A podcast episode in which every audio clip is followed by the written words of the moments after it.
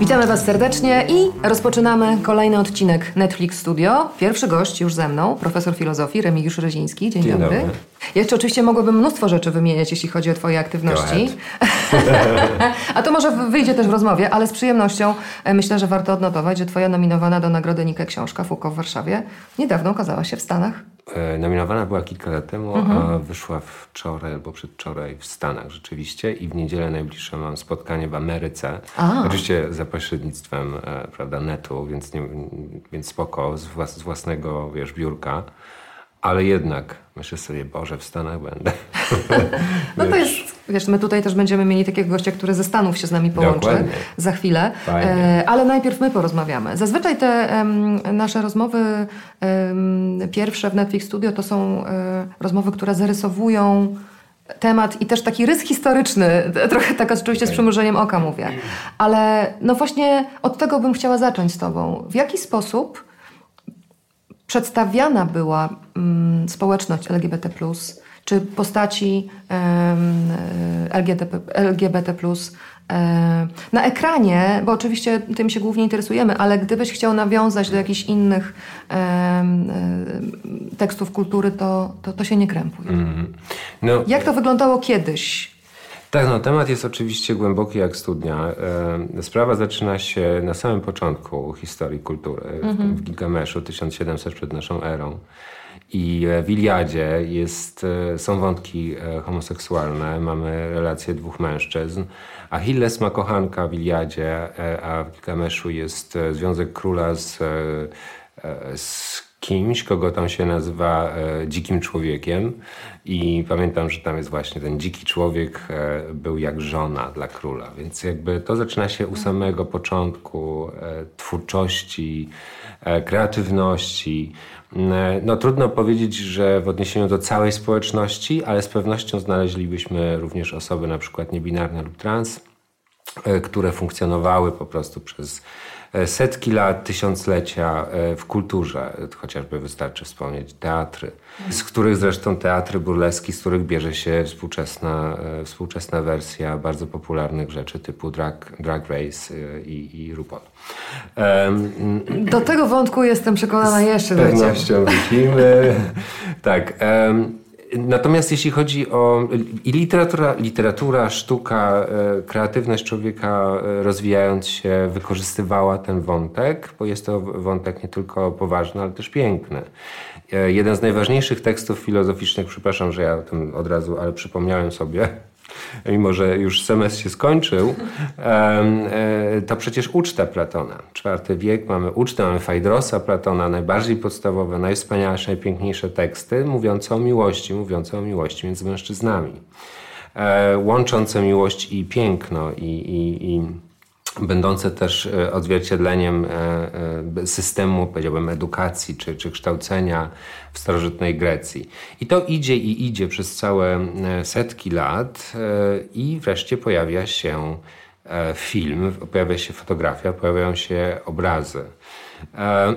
Badania wskazują na to, że być może to, to jest ta, ta paralela nie jest może jakaś e, bezpośrednia, ale e, pierwsze zdjęcia, które powstawały, to nie były te pociągi ani, ani ludzie idący ulicą czy coś takiego, tylko to były zdjęcia pornograficzne, pokazujące ludzi w różnych układach.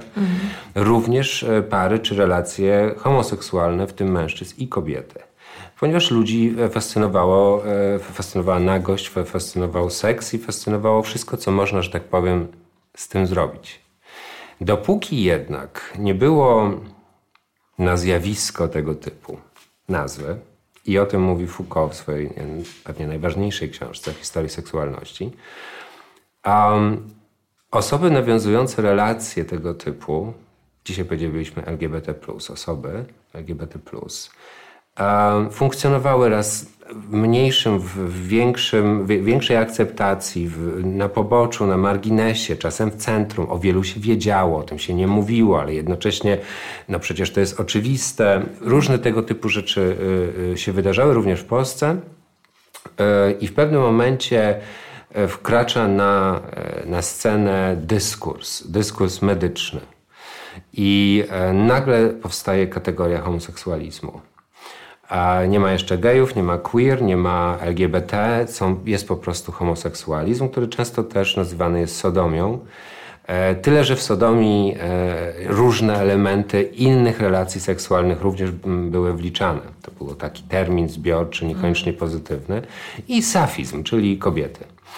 I kiedy znaleziono nazwę, znaleziono też na to metodę. I Foucault to mocno podkreśla, homoseksualizm był różnie traktowany w historii, ale w momencie, gdy powstał dyskurs medyczny, prawny i kryminalny, zaczęły robić się problemy. Natomiast zaraz z tego bardzo szybko przeszedł um, temat, że tak powiem, do filmu. Mhm. Dlatego, że z różnych względów naturalnie było to fascynujące i ludzie chcieli to oglądać, chcieli o tym rozmawiać, chcieli się do tego móc odnieść. E, pojawiły się oczywiście filmy, zazwyczaj postaci przedstawione w filmach powiedzmy powojennych już, bo i wcześniej było, były e, przedwojenne filmy, w których post, pojawiały się postaci, czy historie postaci e, homoseksualnych. Mamy jeden z filmów, to w, w którym występuje lekarz psychologii. Trochę to jest taki, wiesz, epoka trochę powiedziałbym, psychoanalizy, wiesz, ciemny gabinet, trochę jakaś taka sytuacja tajemnicy i wyznania. E, pojawia się lekarz, który, który ma związek, relację e, miłosną z drugim e, mężczyzną i przychodzi szantażysta. I jest oczywiście to jest przedwojenny film czarno-biały, w związku z czym jest zbliżenie na kartkę, gdzie jest ten szantaż, jeśli nie dasz mi pieniędzy, to wyjdzie na światło i tak dalej. Więc tego typu motywy były. Potem mamy oczywiście faszyzm i zburzenie tego wszystkiego, co Dokonała również pozytywnego medycyna w tym czasie, a po wojnie w, lata, e, tak, po wojnie w latach 50., 60. i tak dalej już to się pojawia zwyczajnie. Mhm. Najczęściej te postaci, najczęściej jednak postaci męskie, homoseksualne pojawiają się jednak w kontekstach pejoratywnych, negatywnych, ewentualnie prześmiewczych. Również w Polsce. I dopiero Stonewall w 1969 roku i narodziny ruchu i świadomości i tożsamości oraz uświadomienie sobie i przeżycie takie do, dogłębne różnorodności tego środowiska, e, czyli pojawienie się osób trans, pojawienie się osób e, e, także niebinarnych, pojawienie się różnych relacji, na które często jeszcze nie było nas, które mamy już dzisiaj, na przykład panseksualizm i tak dalej, czy aseksualizm. Wtedy po prostu były to takie osoby. Momencie, później wraz z rozwojem ze. E, wiesz, socjologii, kultury i tak dalej pojawiły się te nazwy. Więc, e, więc te filmy były i 69 rok no, pokazuje, że jednak można mówić w sposób otwarty, robi się ruch, Powstają e, już zupełnie otwarte kluby. W wielu miejscach osoby LGBT są akceptowane i stanowią jak najbardziej część kultury. E, wielu jest gorzej, to, to, o tym trzeba oczywiście pamiętać. E, ale nadal, nadal myślę, że do przynajmniej do Myślę, że oj długo. Brokeback Mountain to jest taki film, w którym pokazana jest miłość e, między mężczyznami, seks między mężczyznami, ale jednak jest ten, ten aspekt, myślałem o tym właśnie, aspekt jakiegoś zagrożenia mhm. ciągle. Więc e, myślę, że to tak naprawdę w 2015 latach tak naprawdę pojawia się e, kontekstowość pozytywna, nie tylko prześmiewcza, Tutsi, seksmisja tak. i tak dalej, nie negatywna, i nie kształtujące czy traktujące osoby LGBT jako tło, czy przy, przystawka, bo mhm. to też bardzo często bywało, tak, że, że ktoś kogoś i tak dalej. Co było odzwierciedleniem też sytuacji e, z, z miasta, z, z, domów, bo e, e, no, no, no, chociażby w Foucault, o którym mówiłaś, także pojawiały się te zdania, no o Iwaszkiewiczu wszyscy wiedzieli, ale o takich rzeczach się nie mówiło. Mhm. No to jest klasyczne zdanie. Okej, okay, wszyscy wiedzą, ale o tym się nie mówi. E, które jest zdaniem, e, wiesz, fundującym pewną, e, no, pewien spór, no bo mhm. co wiedzą, tak. jacy wszyscy i właściwie dlaczego to milczenie. Mhm. I tutaj jeszcze tak pobrzmiewa mi gdzieś, e, wiesz, taki dzwoneczek dzwoni, że teraz pojawia się bardzo często w, w rozmowach e, ten termin który dla mnie jest kompletnie niezrozumiały pod tytułem obnoszenie się. Mhm. Ujawniać się, obnosić I właśnie, się. To znaczy, że to ukrycie jest. Tak, prawda? cały czas jest element jest ukrycia. O czym się nie mówi, więc jeżeli tak, o tym tak. mówimy, to znaczy, że to jest coś nie... Um, nienormalnego, tak bym tak, powiedziała. Tak, zdecydowanie. No właśnie język, język ma charakter. Judith Butler, nie tylko wiemy o tym, że Przepraszam, że nazwiskami, ale... Ale ja bardzo chętnie przypomnę te nazwiska, sobie już robię listę lektur kolejnych, bo nazwiska znane, ale muszę sobie przypomnieć parę rzeczy, jak się okazuje. Słuchaj, no, prosta rzecz. No, język stwarza rzeczywistość. Język nie tylko ją opisuje, ale on ją faktycznie tworzy. To, to, to jest charakter performatywny języka, czyli jak performance. Ro, robimy coś i z tego po, pojawia się y, dana sytuacja. Więc język jest w stanie stworzyć dyskurs czy wypowiedzi, które będą określać świat albo pozytywnie, albo negatywnie, albo w lęku. Ja siedzę teraz pisząc Hyacynta, siedzę cały czas w teczkach z lat 80. i e, milicyjnych i esbeckich. E, język, który tam powstaje, którego się używa, no tak, musisz mieć pewną, pewną granicę akceptacji, bo na początku jest to straszne i, i, i, i bolesne. I jakimś rozwiązaniem jest po prostu prześmianie, w sensie takim, że tam się właśnie zawsze y, y, praktykuje, uprawia. Mhm. Y, no po prostu nie ma zwyczajnych relacji międzyludzkich. Kiedy pisałem Foucault w latach 60. to się dzieje, 58, 9, 60. Taką, tak, także były teczki na, na, na gejów, że tak powiem, i tam się pojawiały takie charakterystyczne sformułowania, jak na przykład ci mężczyźni urządzają sobie herbatki.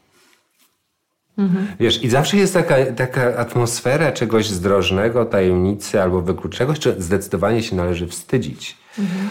I, um, I myślę sobie, że to kształtuje przez ten język postrzeganie zjawiska.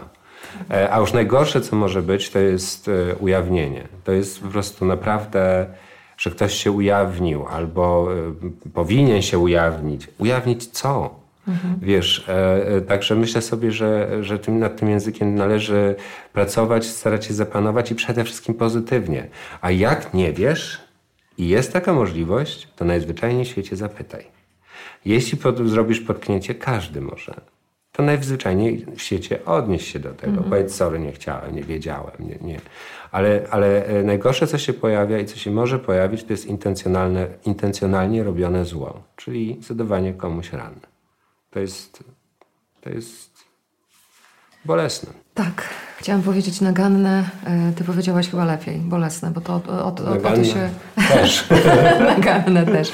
Ale wiesz, to, to zostaje, bo oczywiście parę wątków y, y, już mi się otwiera i do nich będę się starała wrócić, ale przy tym języku bym została na moment również. Mówisz o tym właśnie, zapytaj. Y, to jest najlepsza metoda, żeby po prostu się dowiedzieć, prawda? I tu jest też klucz, klucz słowo klucz, czyli e, wiedza, e, edukacja także. Ale m, mm, jak język polski generalnie reaguje na to otwieranie się też? I czy reaguje? To znaczy, ja na przykład mam czasami, dlatego też mhm. idąc za twoim, tak. Twoją zachętą, pytam.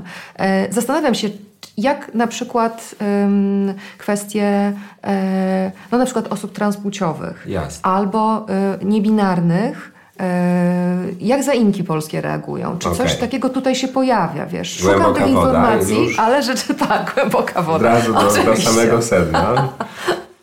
No wiesz, najłatwiej i najczęściej stosuje się y, kalki językowe, czyli mm -hmm. mówi się o wyjściu z szafy. A tak, no to e, jest... coming. I to jest okej, okay, bo to jeszcze ma jakiś taki kontekst kulturowy, mhm. trochę sobie ktoś coś przypomina, że rzeczywiście ktoś siedział w szafie mhm. e, e, i że ktoś z tej szafy wychodzi. I szafa, to też jest e, takie zamknięcie, no, e, autentycznie, autentyczne zamknięcie, jakby taki e, właśnie trochę schron, Jakaś, jakiś rodzaj metafory to jest oczywiście. Tak, które, i to działa. Jest... To, to e, absolutnie mm. jak najbardziej działa. No, ale robi się też tłumaczenia, raz lepiej, raz gorzej. E, czasem zabawnie, na przykład nie mamy e, Netflixowy Queer Eye, tak? tak. E, a po polsku to jest tęczowa drużyna? Porady Różowej Brygady. Tak, no przepraszam, nie pamiętam, ale mimo, że na całym świecie wiedzą wszyscy, że to tak po prostu jest, nagle są porady różowej czy tęczowej drużyny, No ale co zrobisz? No, powiesz przegięte oko? Wiesz, no ludzie powiedzą, okej, okay, przegięte. Ja na przykład bardzo lubię słowo przegięte. Drugą metodą a propos jest e, queerowanie języka. To znaczy mhm. e, przejmowanie pewnych schematów językowych, które nawet bywały w przeszłości lub bywają teraz obelżywe lub negatywne lub pejoratywne i przetwarzanie je, ich właśnie metodą queerowania, czyli przeginania na pozytywną sprawę. Jeśli się da oczywiście, mhm. bo wszystko zależy od, oczywiście od intencji i kontekstu. E, możesz powiedzieć, e, wyrazić to, co, co myślisz, możesz e, skomentować, możesz użyć języka, który znasz. Jeśli twoja intencja jest w porządku, a, a, a intencja w porządku to nie chce go zranić, nie chce jej zranić, to, to, to tyle. Jeśli jesteś ciekawy, ciekawa, jeśli chcesz zapytać, dowiedzieć się, wyedukować albo po prostu, to najczęściej masz do tego przyzwolenie. Chyba, że kontekst, drugi element, raczej to wyklucza. Czyli na przykład, no nie wiem, siedzicie gdzieś, to jest autentyczny przypadek, z, z moja koleżanka mi to opowiadała, że e, w, w, w takiej kuchni pra, pracowniczej, prawda, w firmie, w której pracowała, spotykali się tam wszyscy pracownicy co jakiś czas na jakieś jedzenie i ona wyjmowała jakieś super kanapki robione przez jej żonę, czy dziewczynę, czy, czy, czy partnerkę. E, I ktoś wreszcie zadał pytanie, no słuchaj, no co to za kanapki, kto ci to robi? Mąż? A ona, nie, dziewczyna. I wiesz, przez sekundę była, przepraszam, że ja o tym mówię, może ona sobie tego nie życzy, ale... Ale nie mówisz nazwisk, nie, więc... Tak. E, I zapadła sekunda ciszy, po czym nagle było po prostu otwarcie, po prostu wysyp. Po pierwsze, wow, super, Mhm. Super sprawa i tak dalej. Po drugie, pojawiające się jakieś takie przedziwne sytuacje wynikające z potrzeby danego człowieka, e, e, e, która, która miała polegać na zapewnieniu, że wszystko jest ok. Mhm. Super, ja znam geja. Mam, nie mam z tym problemu. Ja nie mam z tym problemu, ja jeszcze mhm. znam geja. W ogóle ja czytałem, mhm. czytałem i w filmie widziałem. Także jestem super open-minded. I wiesz, ona się działa, ona jest działaczką, ona jest od lat jakby w, nurcie i tak dalej. Mhm. I ona tak chciała mówi, co tu się w ogóle zadziało? Tak, bo ile można takiej tak, sytuacji wiesz, przeżyć, mówi, nie? kanapkę zrobiła mi dziewczyna i nagle jest hurtowo jakaś taka, wiesz, i, i potem została z jakąś koleżanką, bo jakby sytuacja się jeszcze nie kończy, e, została w tej, w tej kuchni, czy kantynie, czy restauracji e, z koleżanką i ona mówi, słuchaj, a ja nie wiem, czy ja mogę to w telewizorze powiedzieć. Ona mówi, słuchaj, słuchaj, wiesz, pamiętaj, jak to chciałabym zapytać, wiesz, ale nie wiem, czyli jak wy to robicie? Na co ona mówi, okay, ja ci to powiem, ale musisz powiedzieć, jak wy to robicie. No wiesz co, wiesz. Bo ludzie czasem tracą granicę i taką barierę jakiegoś takiego, no okej, okay, wiele rzeczy możemy i nie ma z, z, tego powodu, wiesz, wielkiej sprawy, nie trzeba się tam załamywać i tak dalej, nie, nie trzeba się kontrolować specjalnie, no bo jednak komunikacja jest najbardziej istotna. Ale czasem nie wypada. Mm-hmm. Też mówiła to zresztą ta sama. A, to już jest inna historia. W każdym razie. Ale bardzo się cieszę, że opowiedziałeś tę historię mimo wątpliwości, czy możesz powiedzieć, bo myślę, że ona jest bardzo pouczająca. To znaczy, jakby przekaz jest taki: intencja, kontekst to bardzo ważne. Mm-hmm. E, E, kalki językowe albo e, queerowanie, które zalecam i na przykład właśnie mówienie przegięte, ja uważam, jest słodkie. Ktoś jest e, i absolutnie jestem, dlatego że mam do tego dobry stosunek, dobrą intencję. Wydaje mi się to, wiesz, wieloznaczne, twórcze, zaczepione w jakichś kontekstach, mhm. ciekawe, do eksploracji i tak dalej. Więc queerowanie to jest przeginanie czyli od, odkształcanie od normy, no najzwyczajniej w świecie mówiąc, no wprowadzanie kolorów. E, e, I, i, e, I oczywiście prawo do tego, że można być ciekawym, bo jakby jak najbardziej nie, nie wiemy, więc czym mogę zapytać. Oczywiście są też osoby, zdecydowanie są i, i to też jest ich prawo, które powiedzą, słuchaj, ja nie jestem encyklopedią, to jest moje życie, nie będę ci oddzielać podstawowych, wiesz, mhm. odpowiedzi. Dlatego, że e, może się też tak zdarzyć, że rzeczy oczywiste dla niektórych, dla innych stanowią totalną tajemnicę. I jak ty mówisz o osobach niebinarnych, czy fluid, czy, czy co to jest gender, czy cis i tak dalej, to niektóre osoby będą czuć się początkowo zagubione, jeśli trafią na taką, e, taką sytuację, która umożliwia rozmowę na jakimś luźnym poziomie. Tak? Nie, że tutaj mi proszę wyjaśnij, prawda? e, to spoko, bo to jest mhm. fajne, to, to jest pozytywne. Zresztą najczęściej jednak wydaje mi się, że osoby tego to akceptują i, i, i zgadzają się i to jest, i to jest ok doświadczenie. Także dla tych osób, bo nagle to zainteresowanie ma, ma jednak właśnie taką pozytywną intencję. Mhm. I to jest, to jest fajne doświadczenie. E, interesujesz mnie jako człowiek, a ja nie znam Twojego życia, może chcesz się nim podzielić. To jest fajne. Natomiast też są e, sytuacje, kiedy po prostu po prostu nie wiadomo, bo mówiłaś o języku, który wykracza poza binarność, czyli jakie zaimki. Mhm.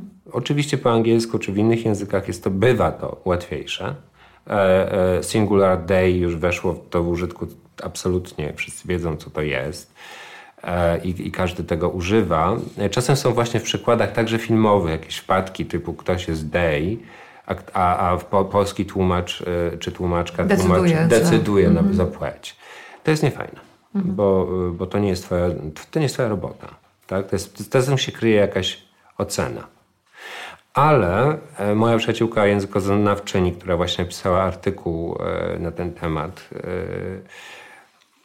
rozmawialiśmy o tym długo. Ja brałem udział w takich warsztatach w Parlamencie Europejskim dla tłumaczy, czyli tłumacze, wielcy, wielcy wspaniali, mądrzy ludzie, obeznani w języku, mhm. w formach, gramatykach, ortografiach i wszystkim. Po kilka języków naraz, wiesz, to jest multi, nie? Mhm. I ja. Ja wreszcie w Teamsach czy w czymś tam, już nie pamiętam, w każdym razie w kamerce i myślę sobie, Boże, co ja tym ludziom o języku powiem w ogóle? No i oczywiście mogłem powiedzieć im tylko to, co byłem w stanie im przekazać, czyli e, nie jak zadziała gramatyka, tylko dlaczego ten język jest ważny, dlaczego ta inkluzja ma znaczenie, mhm. dlaczego to się naprawdę liczy. I że, e, że nic ci się tak naprawdę nie stanie, jak spróbujesz wysilić się czasem i znaleźć odpowiednią formę. Na przykład używając E, słowa osoba. Kiedy nie wiesz, czy, czy nie jesteś pewien, e, e, jaka, to, jaka jest płeć tej osoby co, co jak najbardziej działa i, mhm. i, się sprawdza, tak? Chociaż to wszystko, to wszystko, powtarzam, jest jednak bardzo no, no, no płynne i też intensywne w ostatnich latach. I, i, I z pewnością za jakiś czas będziemy mieli jakieś metodologie do tego, być może nastawienie się też zmieni. To z pewnością jest żywy organizm mhm. w tej chwili. W każdym razie na tych warsztatach rozmawialiśmy o tym, dlaczego to jest istotne i jak zadawać pytania. Czy mogę zapytać, bo nie możesz po prostu podejść do kogoś i powiedzieć: Hejka, jaka jest Twoja płeć? Wiesz, e, dla takiej osoby to jest tak, jakbyś zapytała o to, jaki jest kolor skóry. Bo, bo, dla tej osoby jest to oczywiste. To, że dla mnie nie jest to oczywiste, jest mój problem. Mhm. To jest moja sprawa. E, natomiast jakaś komunikacja musi za, e, mieć miejsce, wybrzmieć. I to, się, to, to, są rzeczy możliwe. No najłatwiej byłoby zapytać, jakich zaimków używać, mhm. w jaki sposób się do ciebie zwracać. Metoda jest bardzo też fajna, popularna w tej chwili e, i, i wiele, wiele osób, coraz więcej osób to, to mm, stosuje i praktykuje. Czyli na przykład w swoich socjalach albo w mailach i tak dalej robić sobie wizytówkę. Ja mam taką wizytówkę, gdzie jest napisane e, he, him, his, e, żeby jakby podkreślić, że osoba, która do mnie będzie pisać jakby z zagranicy na mhm. przykład, nie wiem, z innych uniwersytetów, czy, czy e, robiąc konferencje, żeby wiedziała, że napisze do mnie Dear Sir, albo tam Mister, Mister Rydziński. Bo ludzie o tym teraz na świecie myślą. Mhm. To jest jakaś sprawa. Nie problem, ale jakaś, jakaś zagwozdka, jak nie urazić. Nigdy. Są też metody już wypracowane. Nigdy nie mówić e, panowie i panie, tylko drodzy państwo. I, i, I, tego typu rzeczy, tak żeby jak najbardziej ten język i nasza postawa był po prostu włączający, inkluzywny. Bo to jest fan, to jest nie tylko zabawa, ale to też ma. To autentycznie w, we mnie rodzi poczucie też przynależności i bycie up to date, bycie kimś, kto idzie z biegiem. Okej, okay, jest taka sytuacja, jest to nowe, ale co ja nie zrobię? I wiesz, myślę, że to jest fajne. Bardzo Także... to jest ciekawa, e, ciekawa postawa, rzeczywiście. Bardzo mi się to podoba. No wiesz, no postawa ciekawa to jest, to jest być otwartym. No właśnie. Mhm. Nie wiesz, zapytaj, zainteresuj się. E, nie oceniaj. Być, być otwartym, nie oceniać. Ocena jest czymś koszmarnym. To idzie po prostu z naszej kultury, kultury nie tylko polskiej, ale kultury zachodu. Ocena, marka. Wszystko, co możesz przypisać, podpisać, e, wiesz, wkleić znaczek. I, I, ludzie te, to stosują również niestety wobec siebie, co też jest mhm. E, problematyczne, bo często stąd wynikają duże traumy. Ok, ja nie wyjdę tak, albo nie założę tego, albo nie zrobię sobie tak włosów, albo nie, bo coś tam bo mnie ocenią, tak naprawdę oceniasz siebie sam.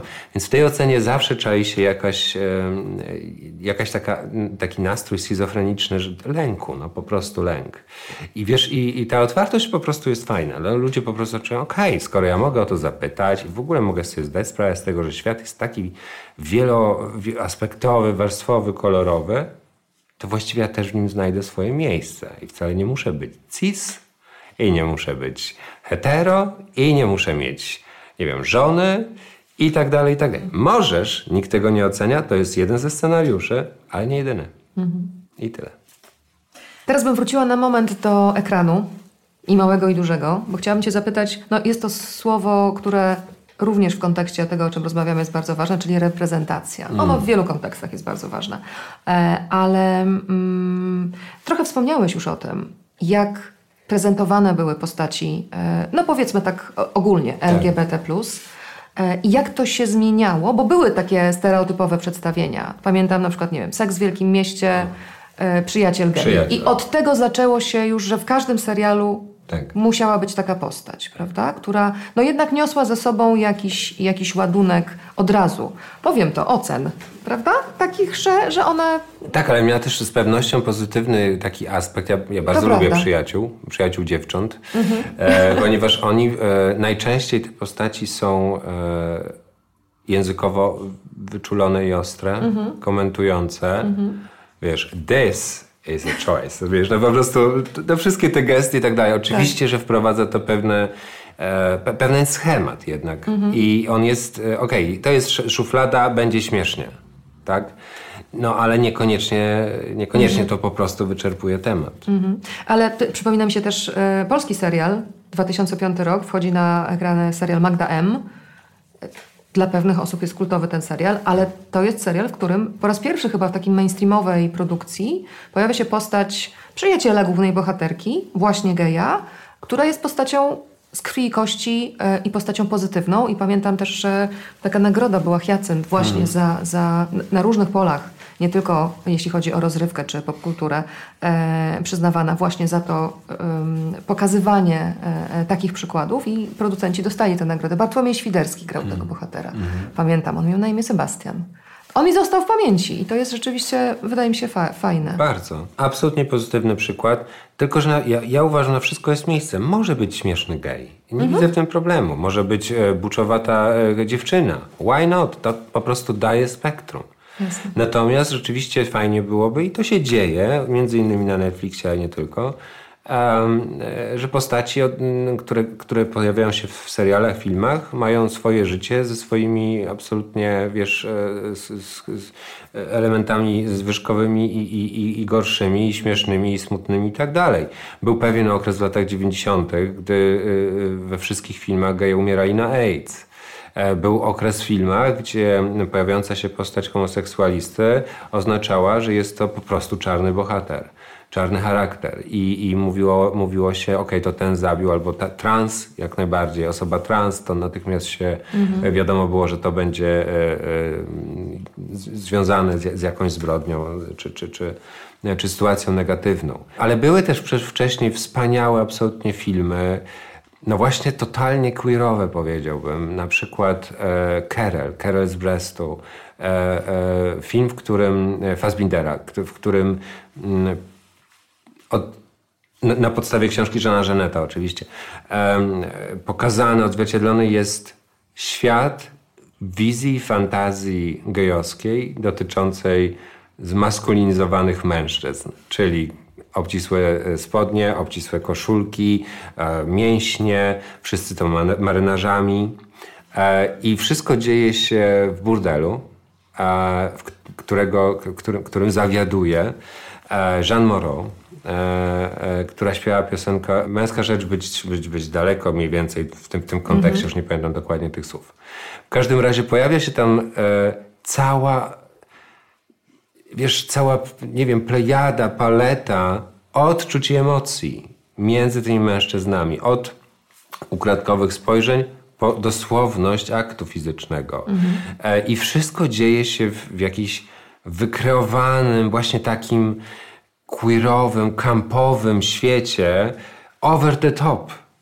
I nagle się okazuje, że to wszystko jest e, zachwycające, że to jest pewna estetyka. Pojawiają się też inne, Pink Flamingos, pojawiają się lakier do włosów. To wszystko jest queerowanie świata. Hej, zobaczcie, trochę się pośmiejemy, ale trochę mhm. to jest takie półkrzywe zwierciadło, żebyśmy zobaczyli różnorodność jest fascynująca.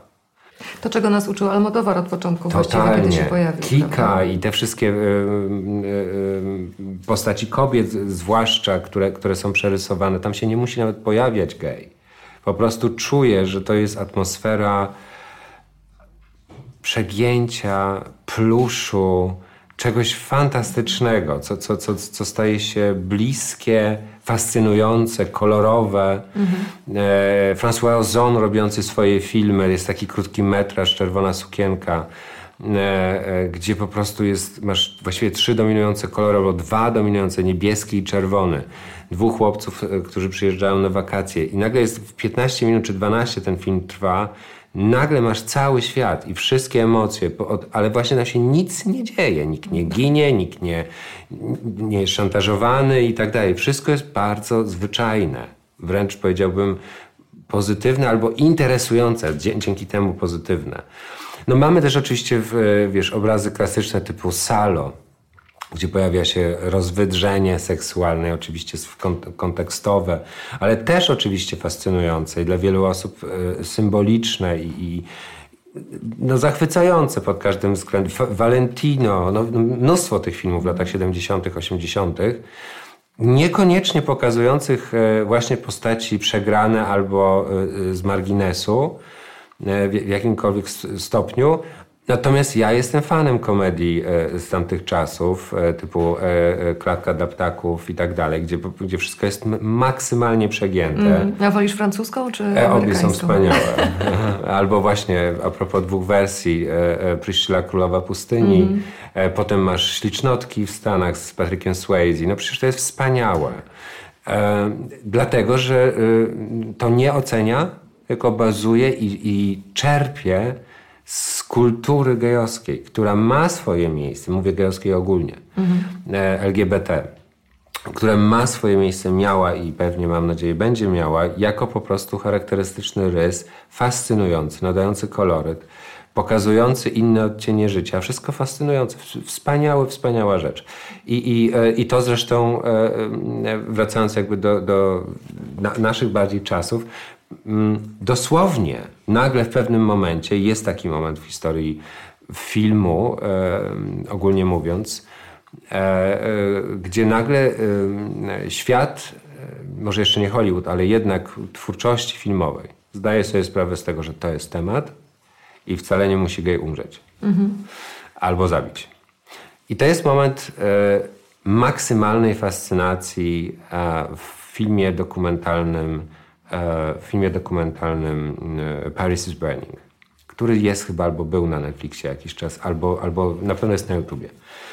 E, Paris is Burning to jest film, który pokazuje subkulturę LGBT-owską, czarną, nowojorską, Bronxu i tak dalej, w, w tym, co teraz jest no każdy po prostu to wie, czyli w Rupolu, czyli we wszystkich tych e, produkcjach, gdzie wykorzystuje się voguing, gdzie wykorzystuje się przegięcie, gdzie się wykorzystuje queerowanie świata i tak dalej. Owszem, mówi się, że reżyserka źle potraktowała e, postaci, bohaterów, ponieważ w jakimś sensie wykorzystała ich i zostawiła.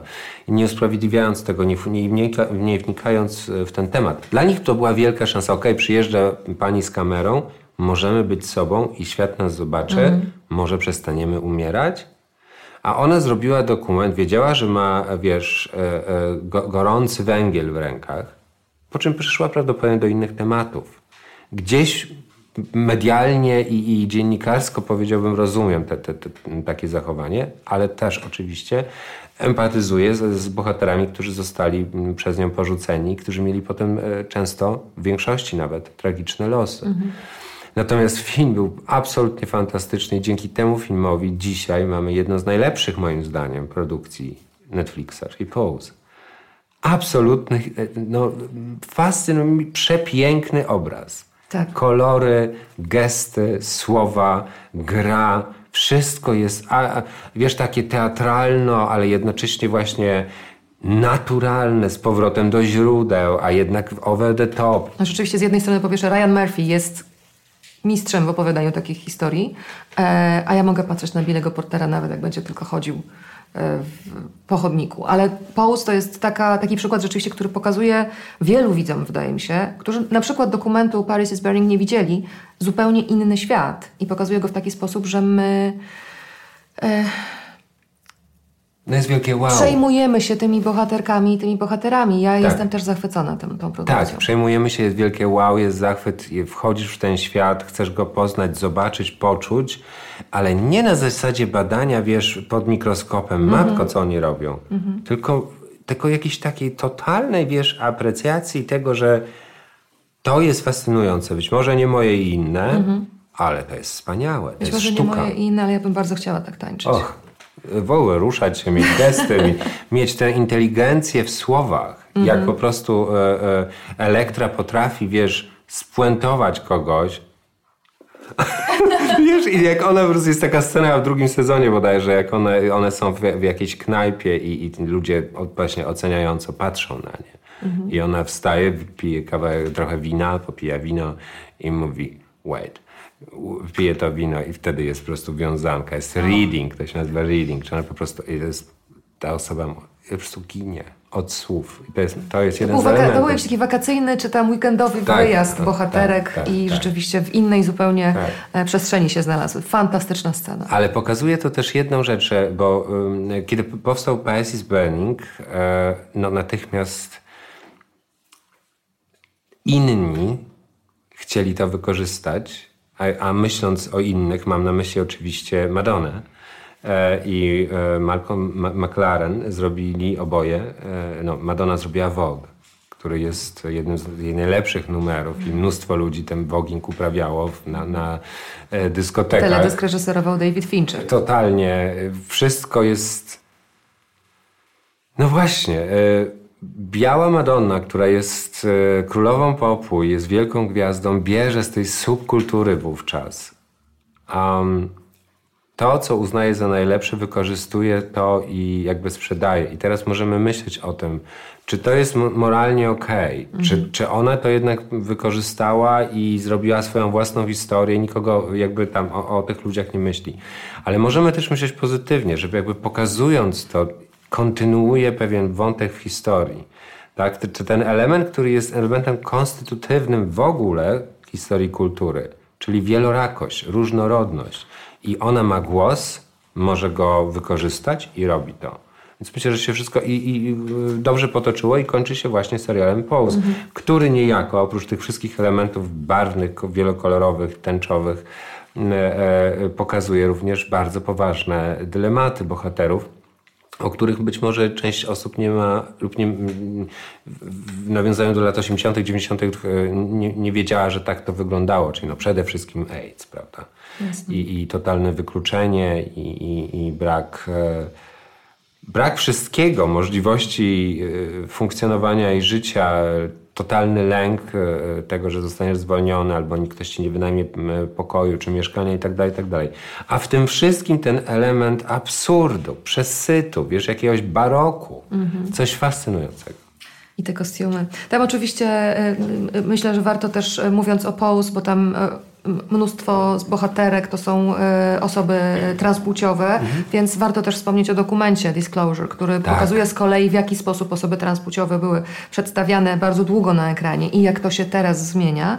A z drugiej strony e, pomyślałam sobie, bo wspomniałeś o tajemnicy Brokeback Mountain, ale tak sobie myślę, że to nie było tak dawno temu przecież, ale pomiędzy tajemnicą Brokeback Mountain a filmem Luki Guadagnino Tamte dni, tamte noce jednak bardzo długa droga została pokonana, prawda? Tak Totalnie. mi się wydaje, że... Słuchaj, to, to, to jest oczywiście tak, tak, tak to właśnie wygląda. Niewiele lat w sumie, a cała epoka, świat się zmienił, ale to jest nic. Pomyśl sobie o pierwszych odcinkach Modern Family i pomyśl sobie o serialu Shit Creeks, który chyba nie wiem gdzie jest, ale można na YouTubie gdzie w Modern Family jest, e, zaczyna się od pewnego dylematu, konfliktu typu ok, jesteśmy gejami, chcemy adoptować dziecko, co powiedzą ludzie i, i czy tata nas nie, nie wyklnie. Mhm.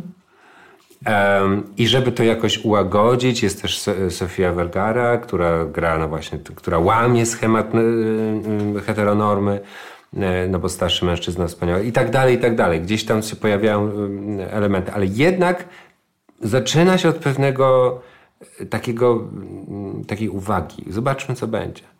A w Shit Creeks do miasteczka przyjeżdża e, rodzina, która straciła wszystko. Bardzo bogata niegdyś rodzina, która straciła wszystko. E, miasteczko jest jedyną, jedynym elementem z majątku, który pozostał. Miasteczko kupione dla syna jako żart. I syn, David, jest jest, jest nie do opisania. Cała rodzina jest nie do opisania, ale dla, dla nikogo, ani w mieście, ani w rodzinie, ani dla niego, ani dla nikogo po prostu, jego e, tożsamość psychoseksualna w ogóle nie jest temat.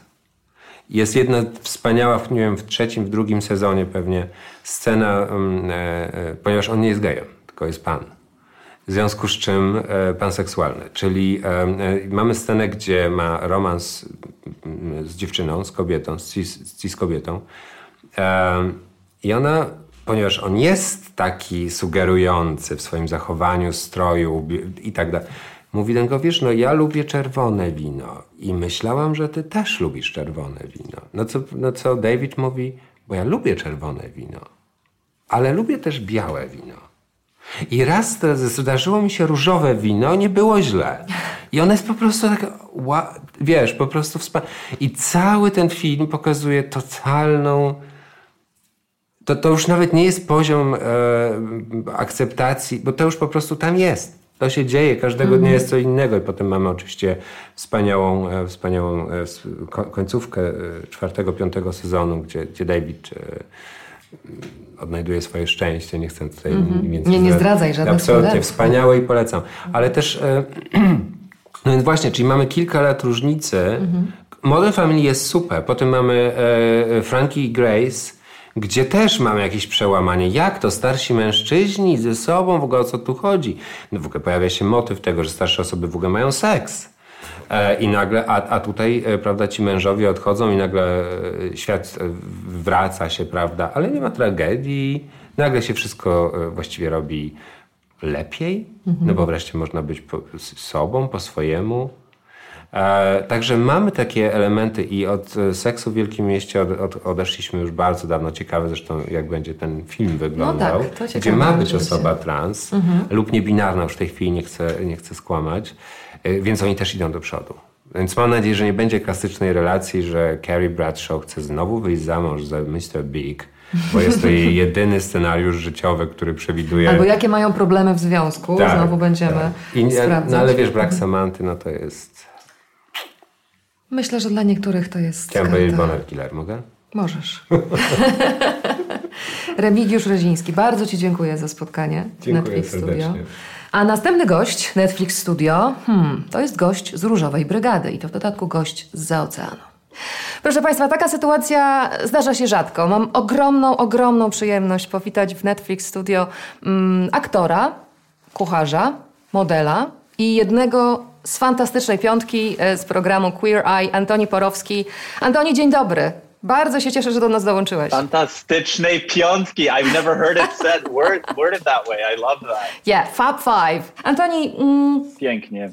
We are talking uh, in, in our in this episode of Netflix Studio about representation, equality, um, and I wanted to ask, and it's of course about films and TV shows. So I wanted to ask you if um, about the uh, representation, but in in your own experience, uh, for example, growing up, um, when did you start see characters that were kind of maybe role models or modeling your path? uh, on screen, and um, was it was it frequent? That's a very good question, and if I'm perfectly honest, I didn't realize that I wasn't seeing myself in media up until maybe a couple of years ago. I think when I was growing up, because I identify as as as fluid, I would see myself sometimes and other times I wouldn't, but not really fully. And so as opposed to just striving to kind of see myself in a character and in, in a film or a book or whatever it was i just remember thinking like oh i'm different like i'm terminally unique and no one has ever you know felt the way that i did and i'm just i'm i'm just very different than the rest of the world and that's just something that i'm going to have to accept and i just felt lonely because of it. Recently though kind of like looking in what i'm what i'm learning about you know the importance of representation and you know uh, visibility i've been able to kind of like backtrack and kind of like look at my my my emotional and my psychological development and realize like wow like i was really lacking in role models when whether you know i remember the first time i saw um almodovar's y tu mama tambien and um, I think it's the the main characters are Julio and Tenoch, uh, Gael Garcia Bernal, and uh, Diego Luna. Diego Luna, thank you. And when I sort of saw this like this this kindness and this tenderness that these that these best friends had towards each other, suddenly it was like it was the first time where I saw that display going on outside of my own head or outside mm-hmm. of my own dreams or my own aspirations. Um, so it definitely made me feel um, a little less lonely. And examples like that would come up, you know, through through different films that I would see. But um, but I think at the time it was just I was so focused on being convinced that I was the only one and that I was just so special and yeah. so unique but the fact of the matter is is that it just it just wasn't really displayed and i think so much of it has changed and we still have a very long yeah. way to go I, I, I only think that we've really begun to scratch the surface but um but yeah it's been kind of interesting to look back because I, I i do find myself asking you know like i wonder if you know um I, I didn't have a traditional coming out and i do feel like coming out is an everyday process in in in, in many ways I do wonder, like, oh, I wonder if that that journey would have been very different for me if it was normalized, if queerness was normalized from a very young age, where it was just accepted, um, where it wasn't necessarily taboo, where it was talked about as openly as heteronormative um, love. You know. Yeah, I wanted to ask you also about. Yeah, this is something that I I, I um, am thinking uh, of now because you are um, also uh, coming from a family uh, uh, of Polish origin, I, I, wonder was it this? This was another level or another subject, another uh, part of your identity that was different, maybe, or was it important for you also when you were growing up to combine these two uh, things, uniquenesses, uh, if I may say so? Sure. Um, I mean, I will start by saying um, I'm. I consider myself really lucky to have been raised by worldly parents who my, my mother was born in Warsaw, my father was born in Brussels and uh, was living in Canada since he was eight months old. And so I, I feel like we've always really been been open minded. But that said, you know, there were ideas and there were expressions that were used maybe 20, 30 years ago that aren't necessarily appropriate right now. Um, certain words around the house or like I remember reading somewhere that um, there was a family member um, who I remember we were driving oh, this is, uh, I haven't thought about this in a while. We were driving somewhere in the US. We were heading to some beach town. And um, it was like a big family trip. And there was a, a couple, two guys who were in a convertible. And they were driving, and a family member made a comment and said, like, oh, like they're they're gay. That's that's so sad. And I remember, and I kind of like asked, like, well, like what what makes it sad? And they were like, oh, well, because you know it's a it's a it's a disease. Um, and I just I, I I won't mention who this person is, but this person since then has completely shifted their view, and that's how they saw things then. And so I always feel like there's opportunity for growth and change. And I remember my answer to that was like, well, if it's a disease, then what's the cure? And then said family member like didn't really have anything to say. And I remember and I was a kid. I think I was probably about seven or eight years old. And I remember then thinking, like, okay, there's like a disconnect here. I feel like we're not really understanding what's fully going on. Um, so that said, I, I mean, I, I, definitely, you know, I have friends of mine who who have family members, especially. I mean, there's the intersection of Polish identity. It's a very fine line, but uh, Catholicism is is is very important to to to most Poles. And so so religion does run very closely with cultural identity.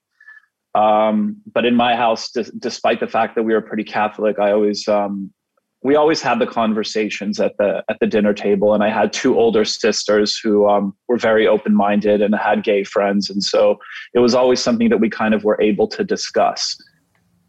What, what i was wondering is um, um and it's not screen related uh, question but uh, of course the situation in united states is, is completely different from the situation in poland because um, you have uh, the right to marry. Uh, so uh, how does it change the perspective? Because uh, you know from from our perspective here this is something that we still have to fight for. So what's the you know the um, what kind of life how how is it easier for you for you to to to you know to um to live in the world? Yeah i mean gosh that's a loaded question when you think about the implications of mm-hmm. living. I'm i'm not here to say that the united states or canada for that matter are perfect. We certainly have our issues and our things that we're working on and we take two steps forward and then two steps back and sometimes it's four forward and then one back. But um you know when i when i think of again I, I, I always try to preface everything with from my experience i don't like to speak for for anybody even though i am a member of the lgbtqia plus community. Um, i've had a very specific type of upbringing and, and very specific experiences but i will say that you know if i were living in a country where I wasn't allowed to legally marry a person of the of, of a certain gender that I loved, of the same gender, to be more clear, um, that would definitely take a toll on my emotional and my psychological well-being. It would be it's like an uphill battle or a fight to try to show the world that I'm I should have the same rights that other people do. That sense of security. I know that marriage isn't necessarily for everybody, but if somebody wants to to express their love in that way and wants to go on that path, then they should be able to, irrespective of of of of, of gender identity or sexual preference. And I think especially like imagine being a little kid. You know, I was mentioning to you earlier, like when I was growing up, I thought I was so unique and so special imagine a little kid who I, I, I didn't necessarily know that I was um, that I was fluid when I was young. It's something that I kind of figured out a little later. But I have a lot of friends who identify as gay who they pretty much knew when they came out of the womb. It was pretty it was pretty clear to them. And imagine somebody with with that knowledge of themselves at a very young age seeing a headline or or having the information that they're not allowed to marry the person that they love that can really affect their entire lifelong trajectory and their sense of value and their sense of purpose and their sense of place in the world as as you know as as a citizen. I think it's especially hard to see in poland i think because you know i was born in canada but my polish identity um, is something that's always been very important to me and um, as I was mentioning, you know, before we started rolling, I, I've been taking Polish lessons, and I'm uh, reading my Kubusz Pułatek among other books, and, dobrze. and really and, and really trying to to to, to identify mm-hmm. with that part of myself, the way that I do with Polish food, for example. But um, my gosh, what was the the point of that? What was I even talking you were, Yeah, you were talking about, uh, you know, that is especially hard for you to see that. Um... Yeah, sorry, it's especially hard to see it in Poland. Thank yeah. you. Um, it's especially hard to to see it in Poland because it's. I have nothing against religion. I really don't. I think that um, faith is something that's incredibly important. I have my own understanding of what it is. Um, but the way that the Catholic Church in Poland is conducting itself right now, along with the government, um, it just it, it, it's just it's it's far from creating a safe space to put it very lightly for for all of its like lgbtqia people. And the fact that polish people themselves are are are turning against their own their own their own citizens. That's the that's the part that really is heartbreaking for me because i've always seen polish people as um as survivors and as fighters. You know my my grandmother on my father's side fought in um, in uh, with uh, the uh, during the Warsaw upra- um, Warsaw uprising. Both my grandfathers were in concentration camps um, as Catholics.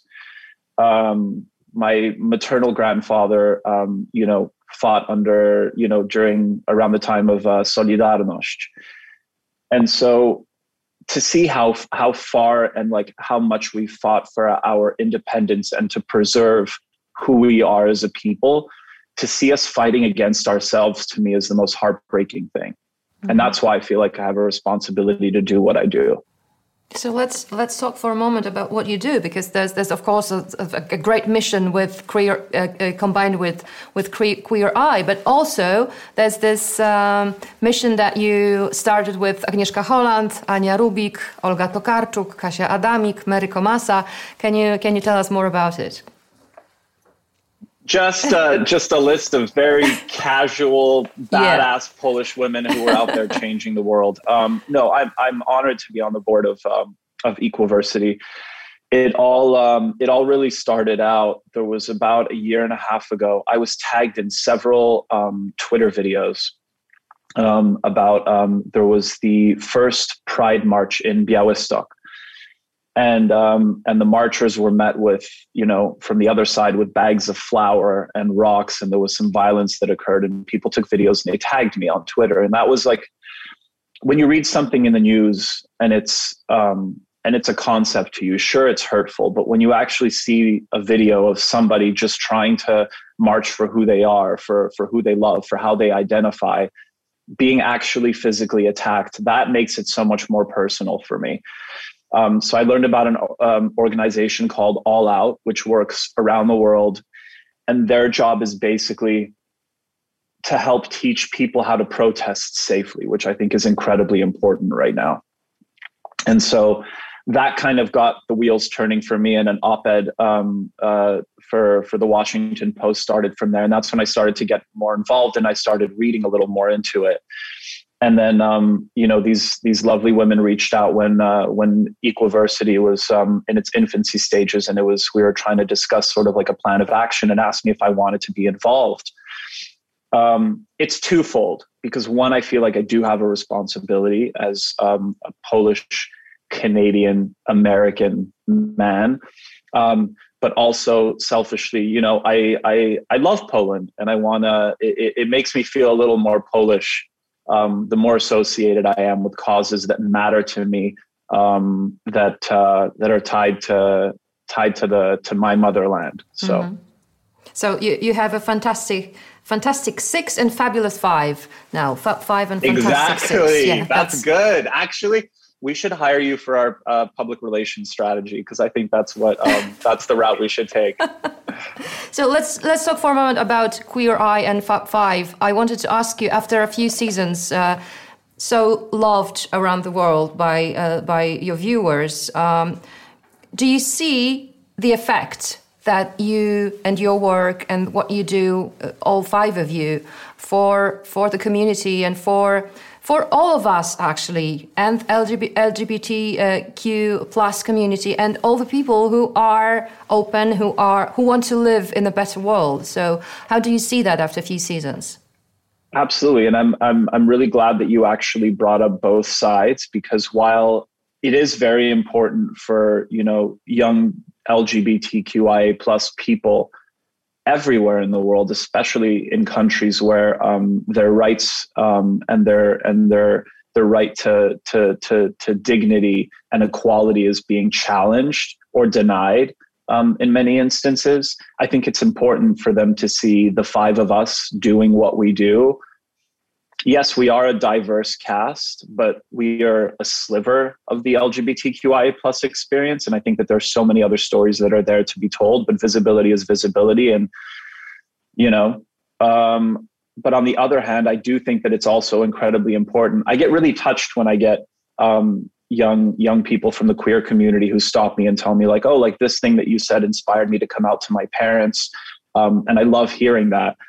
Um, but I'm especially touched because when I hear about um, more conservative parents, or I hear that like this is a program, Queer Eye really is a program that families can watch together. Where I've I've I've been stopped um, in an airport once. There was um, a grandma stopped me, and she told me that she actually watches the show um, with her kids and her grandchildren. So that's three generations of a family. Um, so it really is a show that brings people together. And the thought that we can normalize queerness for people who are a little more conservative or don't necessarily understand it then i feel like there's there's there's a lot of hope there and kind of bridging that gap and bringing us to the middle as opposed to like leaving us on the extremes which you know at least politically america and poland know very well what that's about right now. I think the middle ground is a very a very hard hard place to to find for and a challenging place to find for a lot of people. But you know just the way that I've had heroes on the show who um, definitely are a lot more conservative and are a little more on the right side, uh, right uh, on the uh, as in are, are more right wing politically. Mm-hmm. Let's say um, it's hard for me to understand those people. I see them as concepts. It's it's difficult for me to personalize it because I don't get it, and sometimes I can pass off judgment, and and and and it can be challenging to exercise tolerance and empathy and compassion. But once I get to know those individuals, I don't necessarily suddenly start to agree with their point of view, but I start to understand where they're coming from. And on the flip side of it, you know, the magic of our show, like the thing that I'm that we're so lucky for is that we have these expertises that we get to lean into.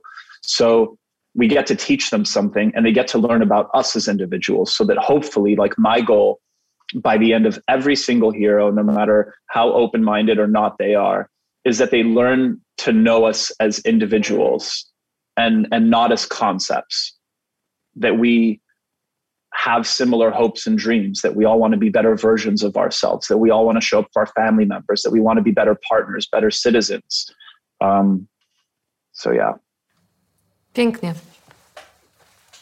Dzięki. dziękuję bardzo, Antoni. Dziękuję za Twój czas. Ja dziękuję. I dziękuję za wizytę w Netflix Studio. I powodzenia z Kubusiem Puchatkiem. Tak, dzięki. Mam nadzieję, że będę, że będę w Polsce za parę miesięcy, ale zobaczę. To będzie szansa, żeby poćwiczyć. Bardzo Ci dziękuję i mam nadzieję do zobaczenia. Dzięki. Do zobaczenia. Miłego dnia.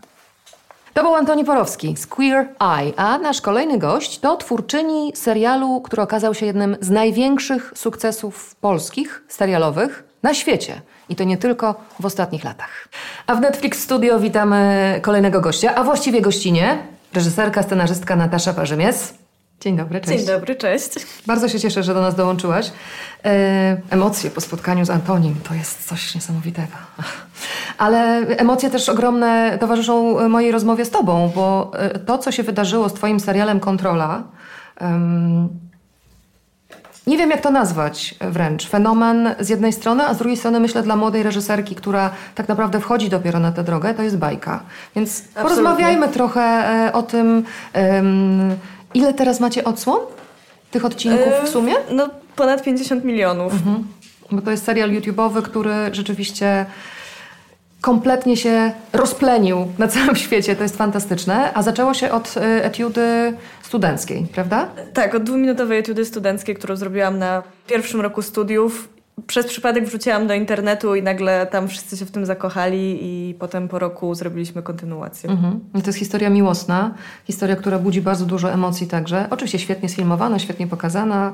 Bardzo kreatywnie też podchodzicie, jeśli chodzi o, no powiedzmy, niedobory budżetowe, chociaż e, i tutaj Wie, wie, bardzo doceniam, e, bo wygląda to e, świetnie. Ale porozmawiajmy no właśnie o tej stronie scenariuszowej, o tym, o czym opowiadasz, bo to też jest, e, myślę, znaczące i to też bardzo mocno się przyczyniło do tego, jak ta historia jest odbierana na świecie, dlatego że takich historii wcale nie ma dużo. Historia o miłości dwóch kobiet. No tak, no nie ma takich historii dużo w Polsce, to już chyba, chyba w ogóle. Ja oczywiście tak naprawdę na samym początku po prostu zrobiłam film gdzieś o swoim rozstaniu, bo byłam po moim pierwszym wielkim rozstaniu, więc stwierdziłam, że gdzieś wezmę to i zrobię z tego film. I tak naprawdę dopiero gdzieś później zaczęłam sobie zdawać sprawę z wagi tego tematu i, i z tego, jakie jest zapotrzebowanie na to, żeby jednak ta reprezentacja mhm. była. Ach, to y słowo klucz. Tak, słowo klucz. Ja nie wiem, czy po polsku się tak w ogóle mówi, ale chyba tak się mówi. Myślę, że to w ogóle się przeniosło z angielskiego do nas i, i, i generalnie yy, tak, używa się chyba reprezentacja. Przepraszam, że ci na moment wejdę. Ja sobie próbowałam przypomnieć, jeśli chodzi o polskie kino no, ostatnich lat, właśnie yy, gdzie jakieś wątki tego typu się pojawiły. Yy, nie przypisuję sobie takiego e, znastwa, że wszyscy wszystko oglądam, ale na przykład w filmie e, Aleksandry Terpińskiej krótkim e, Najpiękniejsze fajerwerki ever. Tam się pojawił taki wątek mm, właśnie związku dwóch, tak. dwóch dziewczyn e, i też u Tomka Wasilewskiego w Najpiękniejszych, nie, to się nazywało... Płynące wieżowce. Płynące, płynące wieżowce to byli chłopcy, tak. a w następnym filmie Zjednoczone Stany mhm, Miłości. Tam tak, tak, piękna, tak. piękna rola i piękny wątek z, z Dorotą Kolak, prawda? Więc i to jest wszystko. No i to Nina Olgi Hajdas No i Nina, tak, tak, wiadomo, ale Olga Hajdas ale też tak. tutaj jest, tak, tak, tak. No i też piękny debiut y, pełnometrażowy tak. z kolei. Ale wracamy do kontroli, wracamy do tego twojego przekonania, że, że taką historię warto e, opowiedzieć? Czy ty od razu podchodziłaś do tego też trochę tak z misją? Czy na początku to było właśnie e, okej, okay, opowiadam coś, co jest mi bliskie, a dopiero potem okazuje się, hmm, to jest bardzo ważne. Znaczy, myślę, że od razu raczej z misją. W sensie nigdy nie mówiłam i nadal uważam, że to nie jest serial misyjny, w sensie nie było takie założenie, ale no gdzieś y, kurczę, ja wiedziałam, że nie ma takich seriali, wiedziałam, że młodzi ludzie nie mają gdzie sięgać, żeby siebie zobaczyć, więc bardzo też ostrożnie, paradoksalnie pisałam ten scenariusz, bo wiedziałam, że nie można przegiąć ani w jedną, ani w drugą stronę, że zaraz, yy, nie wiem, yy, jeśli jedna z postaci jest bi, to powiedzą, że bi zdradzają, bo ona zdradza, że to jest jakby taki bardzo, yy, bardzo y, trzeba uważać po delikatne, prostu. De, delikatne rzeczy. Grunt, tak, tak, tak, bo, tak. bo rzeczywiście ludzie sobie wyrabiają zdanie po obejrzeniu takiej rzeczy i gdzieś dla niektórych osób to jest pierwsze zetknięcie z, z dwoma dziewczynami, które się kochają i, i gdzieś wiedziałam, że jest na nas duża odpowiedzialność, ale, ale wydaje mi się, że jakoś całkiem nieźle z tego wybrnęliśmy. Mhm. A kiedy przygotowywałaś... Um ten scenariusz już po tej etiudzie, to jakie miałaś właśnie reakcje, nie wiem, ze strony, e, zapytam tak, e, profesorów Warszawskiej Szkoły Filmowej, gdzie się uczysz? Tak naprawdę trochę nijakie. W sensie Aha. mieliśmy, mieliśmy yy, wykłada u nas pani Basia Pawłowska i ona bardzo wspierała ten serial, bardzo nam pomagała i, i tak naprawdę w ogóle, bo ten serial powstawał pozaszkolnie. My jakby sami Jasne. tam się skrzyknęliśmy i go zrobiliśmy, szkoła dała jakieś tam wsparcie sprzętowe i, i tak naprawdę potem jak oczywiście to wybuchło, wszyscy to obejrzeli, to, to profesorowie się zachwycali i, i to było strasznie fajne, ale tak to, to nie zrobiło jakiejś wielkiej sensacji w szkole, że, że powstaje coś takiego, więc mhm. wydaje mi się, że to jest bardzo na plus dla szkoły i, i, i fajnie, ale jakoś tak nie przypominam sobie jakichś większych reakcji. A powiedz, mm, no bo Oczywiście, milionowe odsłony to są, to są dziesiątki e, milionów odsłon i to cały czas rośnie oczywiście. Jest wielkie oczekiwanie na drugi sezon. Był odcinek specjalny e, bożonarodzeniowy. To jest też charakterystyczny czas, prawda, dla, e, dla osób, ja tak eufemistycznie mówię, charakterystyczny czas dla osób ze społeczności LGBT+. I, I to wszystko się rzeczywiście składa w fantastyczną opowieść. Więc trochę chciałam Cię zapytać też o Twoje doświadczenie z reakcjami. Nie tylko z Polski, ale z całego świata, bo jestem przekonana, że e, no chociażby przez media społecznościowe mnóstwo takich reakcji dostałaś i skąd bo jak wczoraj zaczęłam sprawdzać, e, na ile języków jest przetłumaczony, ile napisów powstało, no to to są takie kraje jak Iran na przykład. -hmm. jest, są perskie, są w krajach arabskich. E, no to jest też taki region świata, gdzie sytuacja um, osób LGBT+, jest jeszcze inna niż chociażby w centralnej Europie, prawda? No tak, no ten serial w ogóle y, myślę, że przemówił do trochę całego świata tak naprawdę, bo tak jak powiedziałaś, te, tych, tych widzów mamy zewsząd, komentarze są zewsząd, bardzo są pozytywne, więc to też jest super i, i naprawdę tych y, homofobicznych prawie nie ma, jeśli są to niestety z Polski, y, ale są też komentarze na przykład, że ja widzę pod pierwszym odcinkiem, że jest negatywny i potem ten sam użytkownik komentuje co mm. odcinek i się zmienia. I że na to przykład, że, że tam chłopak pisał, że on w ogóle tego nie rozumie, że to jest ideologia, a potem w czwartym odcinku był taki, kurczę, mam nadzieję, że ona zostawi tego chłopaka dla Natalii. Więc jakby gdzieś fajnie, że, że też widzę, że... że to zauważyłaś, że tak. coś takiego też się wydarza. I to mhm. często, naprawdę, znaczy często, z pięć takich osób było, więc to już jest y, fajne i... Tak, i, to już jest... To już jest coś. Poważna, poważna Pięć osób liczba, przyciągniętych. Tak. ale, ale wydaje mi się, że to jest super i, i że, że właśnie ludzie, wystarczy pokazać ludziom, że to są tylko ludzie i jakby nie ma w tym nic więcej mhm. i tylko i aż ludzie i, i myślę, że, że w taki sposób też można zmieniać i, i, i próbować, bo inaczej trochę może być słabo. Jasne. Y, mówisz o tym, że miałaś takie podejście od początku, że jakiś tam rodzaj misji w tobie był, prawda? A, bo nie ma e, dużo tego typu historii. Natomiast i myślę, że kontrola o tym świadczy. Myślę, że sposobem na pokazywanie takich historii jest właśnie nie robienie z tego nie wiadomo czego, tylko pokazywanie, że to są ludzie, którzy żyją normalnie, tak jak wszyscy inni i się e, kochają. No mają inne po prostu e, obiekty tych, e, tych uczuć. E, e, I, i, I no właśnie, kwestia reprezentacji, z drugiej strony kwestia no, pewnej normalności i to, jest, I to jest chyba klucz tutaj, takie mam wrażenie. Nie wiem, tak, też mi się tak wydaje, bo na przykład też znowu komentarz, ale jakby jak gdzieś na tych komentarzach bazuje, jakiś chłopak z Polski napisał, że nie lubię tego całego LGBT, ale podoba mi się jak wy to robicie. I ja mu mhm. odpisałam, my to tak nie robimy, tak to po prostu wygląda. No i wydaje mi się, że, że właśnie ważne jest, żeby ta reprezentacja była, ale no już idźmy krok dalej, bo reprezentacja jakby wiadomo już w miarę jest, a przynajmniej się staramy, żeby to też była dobra reprezentacja, dobrze napisana i, i jakby podejście do, do bohaterów bohaterów LGBT jak do zwykłych bohaterów, tak? Czyli, mhm. że wątkiem nie jest tylko coming out albo yy, no, cokolwiek jakby z tym związane, tylko że mają swoją pracę, mają swoją pasję, mają swoją rodzinę, problemy i, i tak dalej. Więc wydaje mi się, że, że to się dzieje i, i super, że się dzieje, ale też trzeba gdzieś o tym pamiętać, żeby napisać dobrych bohaterów z krwi i kości. A to jest sekret każdego scenariusza, więc Absolutnie, się tak, po tak. prostu spotykamy w tym samym miejscu. E, to są e, rzeczy oczywiste, prawda? I e, tak sobie myślę, nie chciałabym tutaj jakoś ageistowsko zabrzmieć, wybacz mi, ale to jest też tak, tak że ty jesteś po prostu przedstawicielką no, tej najmłodszej generacji twórców i twórczyń. I chciałam cię zapytać trochę, jak patrzysz na to, co było do tej pory, właśnie z tej Twojej perspektywy, osoby, która e, no, na bardzo specyficznym też dostępie do filmów i seriali, do w ogóle kultury czy popkultury się wychowywała, no bo Ty już jesteś pokoleniem, które, dla którego platformy streamingowe na przykład mhm. są oczywistością. No ja pamiętam, że gdzieś moje spojrzenie na opowiadanie historii wywróciło do góry nogami, wywrócił serial Orange is the New Black. No on jest w miarę już stary, w sensie on zaczynał Netflixa. Klasyka. Tak, klasyka gatunku, tam z House of Cards razem zaczynali i i, I dla mnie gdzieś to było właśnie trochę to, co mówiłam, że po prostu tam są tak świetne te bohaterki, że w ogóle nikogo nie obchodzi, z kim kto śpi i, i tak dalej, a wręcz kibicują wszyscy wszystkim i, i gdzieś dla mnie to był bardzo przełomowy serial i w życiu i, i, i, też gdzieś jako, gdzieś tam wtedy myślałam o tym, żeby, żeby zostać filmowcem, więc na pewno Orange is the New Black, no i Glee gdzieś podobnie, nie? No to Glee to już w ogóle wywaliło w kosmos tam 10 lat temu, czy nie wiem mhm. kiedy, kiedy to się działo, ale no zrobiło bardzo dużo dobrego i, i było wielkim takim wydarzeniem popkulturowym też. I bardzo sprytnie podeszli do, do, do przedstawiania inności i do sprawienia, że inność gdzieś w pewien sposób stała się normą, bo z jednej strony piosenki, z drugiej strony y, śmieszne y, żarty, jakby ten cały miks, jakby mój tata też bardzo lubi oglądać Glee, więc jakby to mam wrażenie, że to jest trop, żeby gdzieś próbować y, pościągać ludzi, którzy, którzy by do tego, do tego może nie podeszli na początku, ale, ale potem od razu kochają tych bohaterów. Jest to jakieś takie, jakaś taka konieczność czasami oswajania prawda? Bo, bo, bo, rzeczywiście niedobory edukacji, powiedzmy. Zwłaszcza edukacji seksualnej są widoczne i w związku z tym musimy się, e, no właśnie, dzięki Ryanowi Murphy, bo to przecież chyba on, dobrze pamiętam, tak, jest on, odpowiedzialny. On wymyślał tam... Co to za człowiek jest? On po prostu jest w stanie...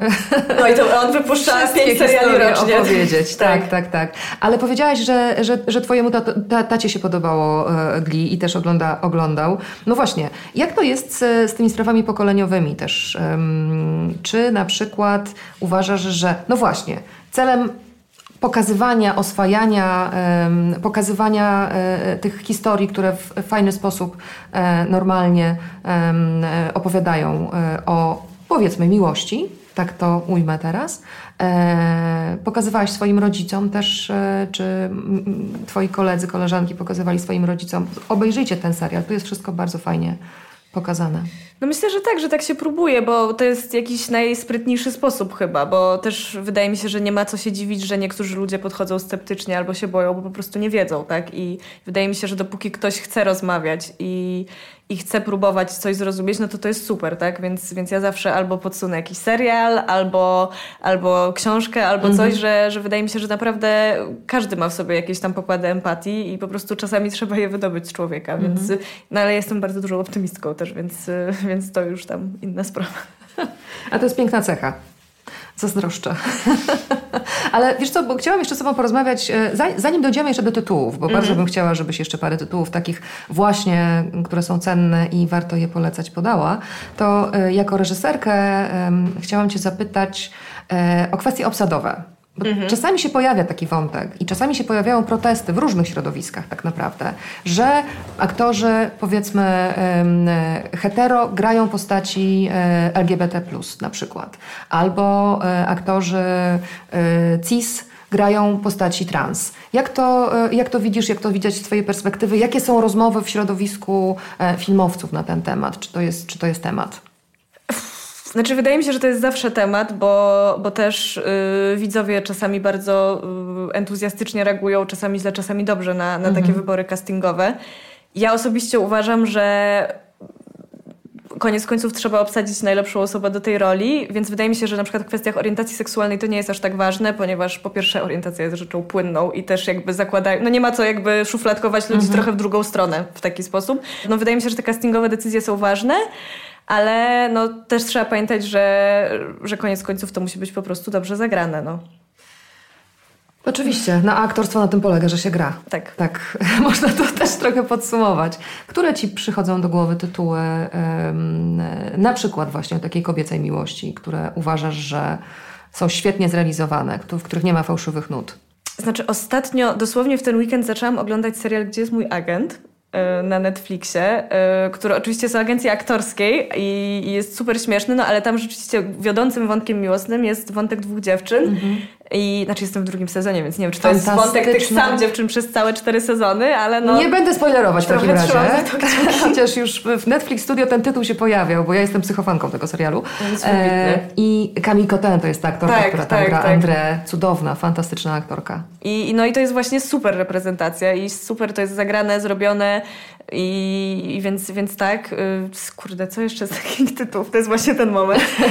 Ale wiem, że lubisz bardzo film Karol na przykład. O no tak, no to, prawda? To jest super film i uważam, że ono, to jest właśnie w pierwszej kolejności film o miłości, gdzieś w drugiej o, o dwóch dziewczynach, ale po prostu kurde, jak one tam grają i jak on to poprowadził. I w ogóle przy tam nie ma nic złego. No, no tam jest Kate Blanchett i Rooney Mara. Tak. No to nie mogło się nie udać. Nie, nie mogło się nie udać, zdecydowanie. I Sarah Paulson jeszcze, no, która gra w Ratchet Ryana Marfiego, gdzie też zresztą jest wątek, mm -hmm. wątek miłości. Tam jeszcze Cynthia Nixon się pojawia tak. przecież O, i tu jest, i to jest właśnie fajne, jak to się ogląda, no bo to są jednak dwie y, o, o, jakby lesbijki i wszyscy wiedzą, że, że one gdzieś, y, gdzieś bardzo głośno w mediach o tym mówią i to jest super, no bo z kolei jak się je ogląda we dwie, no to to jest takie powerful. Mm -hmm. Więc ja z jednej strony, ja sobie zaprzeczam w tym momencie, że z jednej strony wiadomo, że to nie ma znaczenia, a z drugiej strony jak widzę dwie takie dziewczyny w takich mega dużych, ważnych rolach, no to aż się serce raduje. No to są różne sytuacje. Tak, różne też, sytuacje i, i, gdzieś to mhm. trzeba wyczuć, no ale tutaj to był strzał w dziesiątkę, myślę, z nimi. Mhm. Jeszcze chciałam Cię zapytać o taką produkcję, która no, jakoś takimi e, powiedzmy okrężnymi drogami dociera do odbiorców, ponieważ to jest e,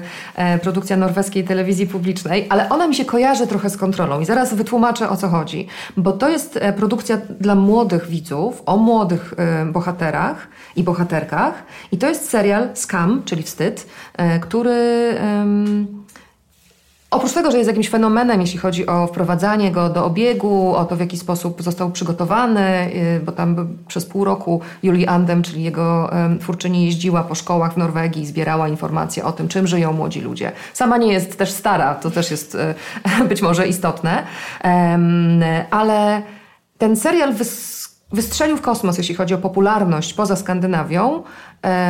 Wcześniej oczywiście wiadomo było o nim, natomiast wystrzelił przy trzecim sezonie, który pokazywał e, narodziny związku, narodziny miłości dwóch chłopaków. I właściwie też takie poszukiwanie tożsamości tego głównego bohatera tego sezonu. E, I ponieważ to się tak roznosiło właśnie internetowo, takimi metodami, że ktoś komuś powiedział, słuchaj, no a poza tym w internecie, no to wiadomo, że pojawia nam się, jak ktoś ogląda, to nam się pojawia tego mhm. więcej. Mhm. I podobnie było z kontrolą. I chciałam Cię zapytać, czy Ty znasz Skam i, czy, i co myślisz też o tym budowaniu tamtej historii?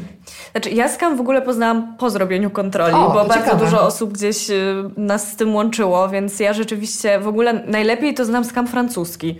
Jakby nie, to on tam gdzieś na YouTubie też krążył i, i też on... Bo on jest dostępny legalnie Tak, tak, tak, YouTubie, tak. On tak, jest na YouTubie i też mhm. tam jest tak, że jest wątek dwóch dziewczyn, który sprawił, że on po prostu się wybił na jakieś mhm. wyżyny popularności. Myślę, że to jest w ogóle bardzo często w serialach tak się dzieje, no ale skam jest ekstra, bo też jest krótki, też to jest takie prawdziwe, nie, nie wiem, nie jakoś turbo przegadane i tam nie ma ściemy po prostu. No i wydaje mi się, że dlatego to się tak y, gdzieś y, udaje i powstają te wersje w, w nowych językach. Ja już nawet nie liczę, ile tych wersji tak. powstało, bo to rzeczywiście i za każdym razem są podobne bardzo historie, ale fajnie jest zobaczyć e, jak wątek właśnie miłości dwóch chłopaków był pokazywany w Norwegii, a jak był pokazywany we Włoszech. I tutaj już zupełnie inne nuty są poruszane i zupełnie inaczej to się ogląda. E, zresztą też bohater transpłciowy pojawiał się na przykład w niemieckiej wersji i to też było niesamowicie ciekawe. Tak, jestem psychofanką serialu Skam. Przyznaję się do tego bez bicia. E, oglądam w celach poznawczych.